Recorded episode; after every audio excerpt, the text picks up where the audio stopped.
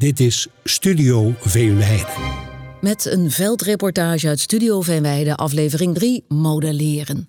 Studio Veenweide is een serie van het NOBV, het Nationaal Onderzoeksprogramma Broeikasgassen Veenweide. Modellen kunnen ons helpen om te voorspellen wat er in de veenbodem onder diverse omstandigheden gaat gebeuren. Maar een model maken is niet zo makkelijk. Co van Huistede is bodemkundige met als specialisme veen, permafrost en broeikasgassen. En hij werkt al jaren aan een model, het Peatland VU-model. En als geen ander weet hij hoe belangrijk het is een model te hebben, maar ook hoe lastig het is om een betrouwbaar model te maken op grond waarvan we CO2-emissies kunnen voorspellen. De gegevens om zijn model te voeden haalt hij onder andere uit meetplots van het NOBV. Ko, zijn we? We zijn hier in Assen-Delft bij een uh, melkveehouderij, 200 koeien. En daar zijn twee meetlocaties waarbij we kunnen meten wat, hoeveel CO2 er uit de bodem komt en wat dat eventueel ook doet met de bodemdaling. Laten we maar richting die meetplots lopen. Je hebt de grondboor bij je. Maar een nog veel belangrijker tool voor jou is datgene wat in je rugzak zit. Hè? Dat is de computer. Ja, ja, ja. ja. Dat klopt. Uh, nou, ik, ik doe beide. Ik, ik, ik meet uh, CO2 en methaanemissies. En ik heb ook een model ontwikkeld voor het uit te rekenen van CO2 en methaanemissies. Als je gegevens hebt over het weer, over de bodem, plantengroei en dergelijke. Sinds wanneer ben je met dat model bezig? Nou, dit is al heel lang. Dit is een ontwikkeling die ik... Ja, uh, 2000, 2000 zo ben ik eraan begonnen, geloof ik. Er zit al heel wat in dat model. Ja, ja. Onder andere uh, bodemfysica. Dan lopen we even verderop langs uh, de koeien. Ja. Stoppen we die koeien er ook in? Uh, de koeien zitten er, zitten er ook in het model, ja. Op welke manier? Ehm, er, zit, er is een, je, kunt, je kunt erin stoppen hoeveel, hoeveel gras er wordt afgegraast. En hoeveel, hoeveel biomassa, zeg maar, hoeveel gras van het land afhalen. Mooi vee, hè? Prachtig vee. Ja. Dit is de Friese Holsteinkoe, denk ik. Ja. De bekende Nederlandse koe. De, de, de, de nou ja, hoogproductieve melkkoe. En die staat nu uh, op uh, een weiland met een grondwaterpeil van? Uh, nou, aan de linkerkant hier van de weg is het, uh, is het grondwaterpeil hoog. Wordt hoog gehouden door de drukdrainage. Daar staan ze nu op. Kijk, ze vinden het allemaal erg spannend, erg leuk om even mee te lopen. Koeien zijn nieuwsgierig. Leuk, Koeien zijn ontzettend ja. nieuwsgierig, ja. En, uh, aan de rechterkant? Aan de rechterkant is het, uh, is het, normale, het normale pijl zonder enige maatregel. Dus aan de linkerkant hebben we een maatregelplot waar die instrumenten staan. En aan de rechterkant is het uh, controleplot. En wat stop jij daarvan in de computer? Een heleboel. In de eerste plaats uh, de bodemeigenschappen. Het weer vooral ook. Want wat er allemaal gebeurt in die bodem... dat is heel erg afhankelijk van temperatuur en grondwaterstand. En dus van de hoeveelheid verdamping en de hoeveelheid regen. Neem je het vliegtuig ook mee? nee, nee. Zover ga ik, ga ik niet, gelukkig. Zou ik niet aan moeten denken.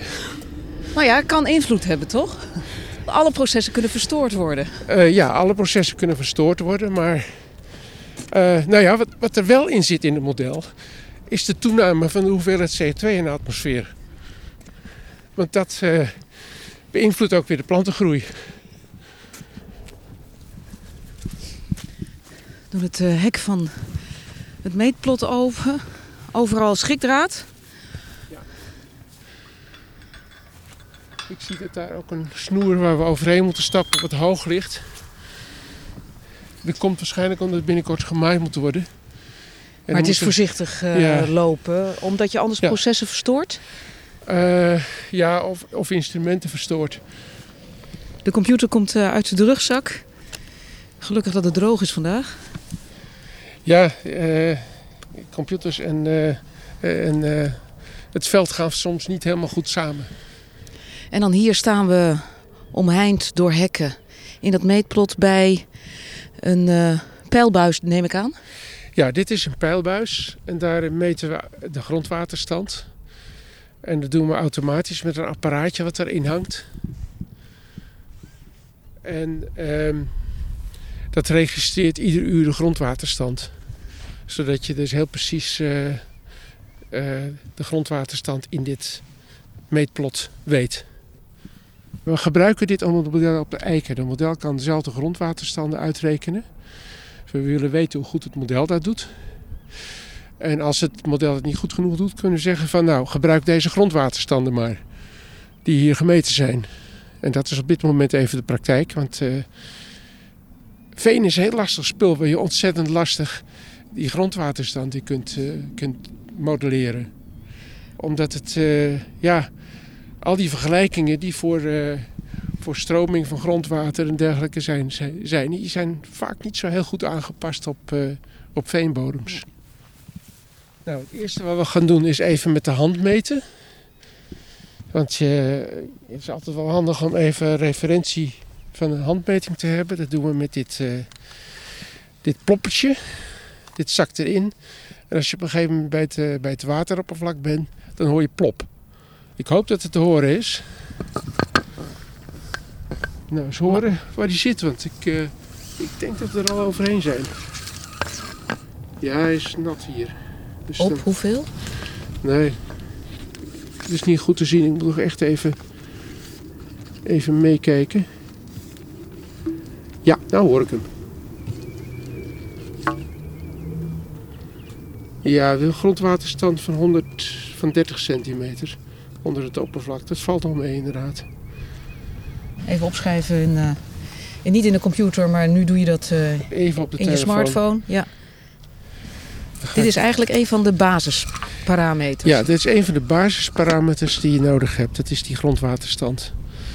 Dit is een apparaatje wat daar in het water hangt en dat meet het grondwaterstand aan de hand van drukverschillen. Dus ik ga dit nu even uitlezen. Het goede eh, programma staat voor. En hij leest nu de pijlbuis uit. Ja, de, de logger. Het apparaatje heet een logger, waterstandslogger. Die leest hij uit. En je ziet hier nu in deze grafiek zie je twee jaar uh, grondwaterstandsgegevens. In de zomer zie je hem omlaag gaan en de winters gaat hij weer omhoog. Welke data moet je vanuit dit meetplot nog meer in de computer stoppen? Nou, heel veel gegevens over de bodem. Dus uh, hoeveelheid organische stof in de bodem. De worteldiepte, je moet erin stoppen. Wat er ook heel belangrijk is, is de temperatuur. Want bacteriën reageren, die het veen afbreken, die reageren ontzettend sterk op temperatuur. Dus exponentieel verband. Als ik uh, hier nu in het gras even op de plek waar ik mag rondlopen kijk, dan zie ik geen warmtesensoren. Klopt dat? Die zitten diep in de grond? Ja, die zitten diep in de grond. Die staan daar, bij, dat, uh, bij die stokjes daar en bij die witte kastjes daar. Er staat ook een regenmeter. Wat er verder in de grond zit zijn sensoren om bodembewegingen te, te meten. We kijken even er staan rond. hier uh, apparaatjes, zogenaamde lysimeters, om, uh, om grondwater te bemonsteren voor de chemische samenstelling. daar staat een apparaatje wat de zonnestraling meet en dus een klein weerstation, ook wat de wind, de windrichting meet. Dus dat dat heb je ook allemaal nodig voor, uh, als invoer voor zo'n model. Kan ik er omheen, uh, Ko? Ja, je bent er omheen. Ja, deze plexiglas cilinders die meten de hoeveelheid CO2 die uit de bodem komt. En dat doen ze door, uh, ze, ze worden automatisch bediend. Je ziet dat er eentje dicht zit daar. Die is nu aan het meten. Waarschijnlijk gaat hij straks open. Dat hoop ik wel, want anders is hij stuk. dat kan natuurlijk, hè? Dat kan ja, er eentje kan, stuk ja. gaan. Kan, kan dan jouw model dat opvangen? Ja, het model kan dat opvangen. Want je kunt dan gaan interpoleren tussen de metingen die je mist. Als het model het goed doet, dan kun je inderdaad stukken waarin je metingen mist omdat de apparatuur niet goed gewerkt heeft en je kalibreert het goed op de gegevens die je wel hebt, dan kun je het model gebruiken om te interpoleren. Maar zal het model uiteindelijk dusdanig ingeregeld kunnen zijn dat we deze meetplots helemaal niet meer nodig hebben? Uh, nee, nee, absoluut niet. Um, er zitten zoveel onzekerheden in de gegevens die je in zo'n model moet stoppen. Dat je eigenlijk, je, je zult toch altijd een vorm van meten nodig hebben. Dus uh, je, kunt, je kunt niet zonder meten. Dat, uh, daar ben ik heel heilig van overtuigd. Vaak worden modellen al eens ingezet van ja, we, we, meten is te duur. Nou ja, modelberekeningen die je niet kunt kalibreren op metingen, die kunnen ook hele dure gevolgen hebben. Omdat je daar maatregelen gaat, uh, gaat nemen die op onvoldoende gegevens gebaseerd zijn. Wanneer weet je of het model af is? het model is nooit af. maar kunnen we het nu al gebruiken? Ja, je kunt het gebruiken. En natuurlijk onder voorwaarde dat je heel duidelijk vertelt van wat je nog niet weet en wat nog niet in het model zit. En dat je daar rekening mee houdt met beslissingen die gebaseerd worden op zo'n model. Ja. Eén ding wat er nu nog niet in zit is bijvoorbeeld... Uh, ook onder de grondwaterspiegel wordt er organische stof afgebroken. En dat produceert ook CO2. En uh, nou, dat zit er nog niet precies genoeg in. Co van Huisteden vertelt meer over modellen en het meten van methaanfluxen op de meetlocatie in Ankeveen. Dat is een andere bodem. In de tweede reportage van Studio Veenweide, deel 3 over modelleren. De reportages, de zes afleveringen van het programma Studio Veenweide, met daarin verschillende studiogasten en de colleges in Studio Veenweide De Verdieping, zijn te vinden op de site van het NOBV en de diverse podcastplatforms.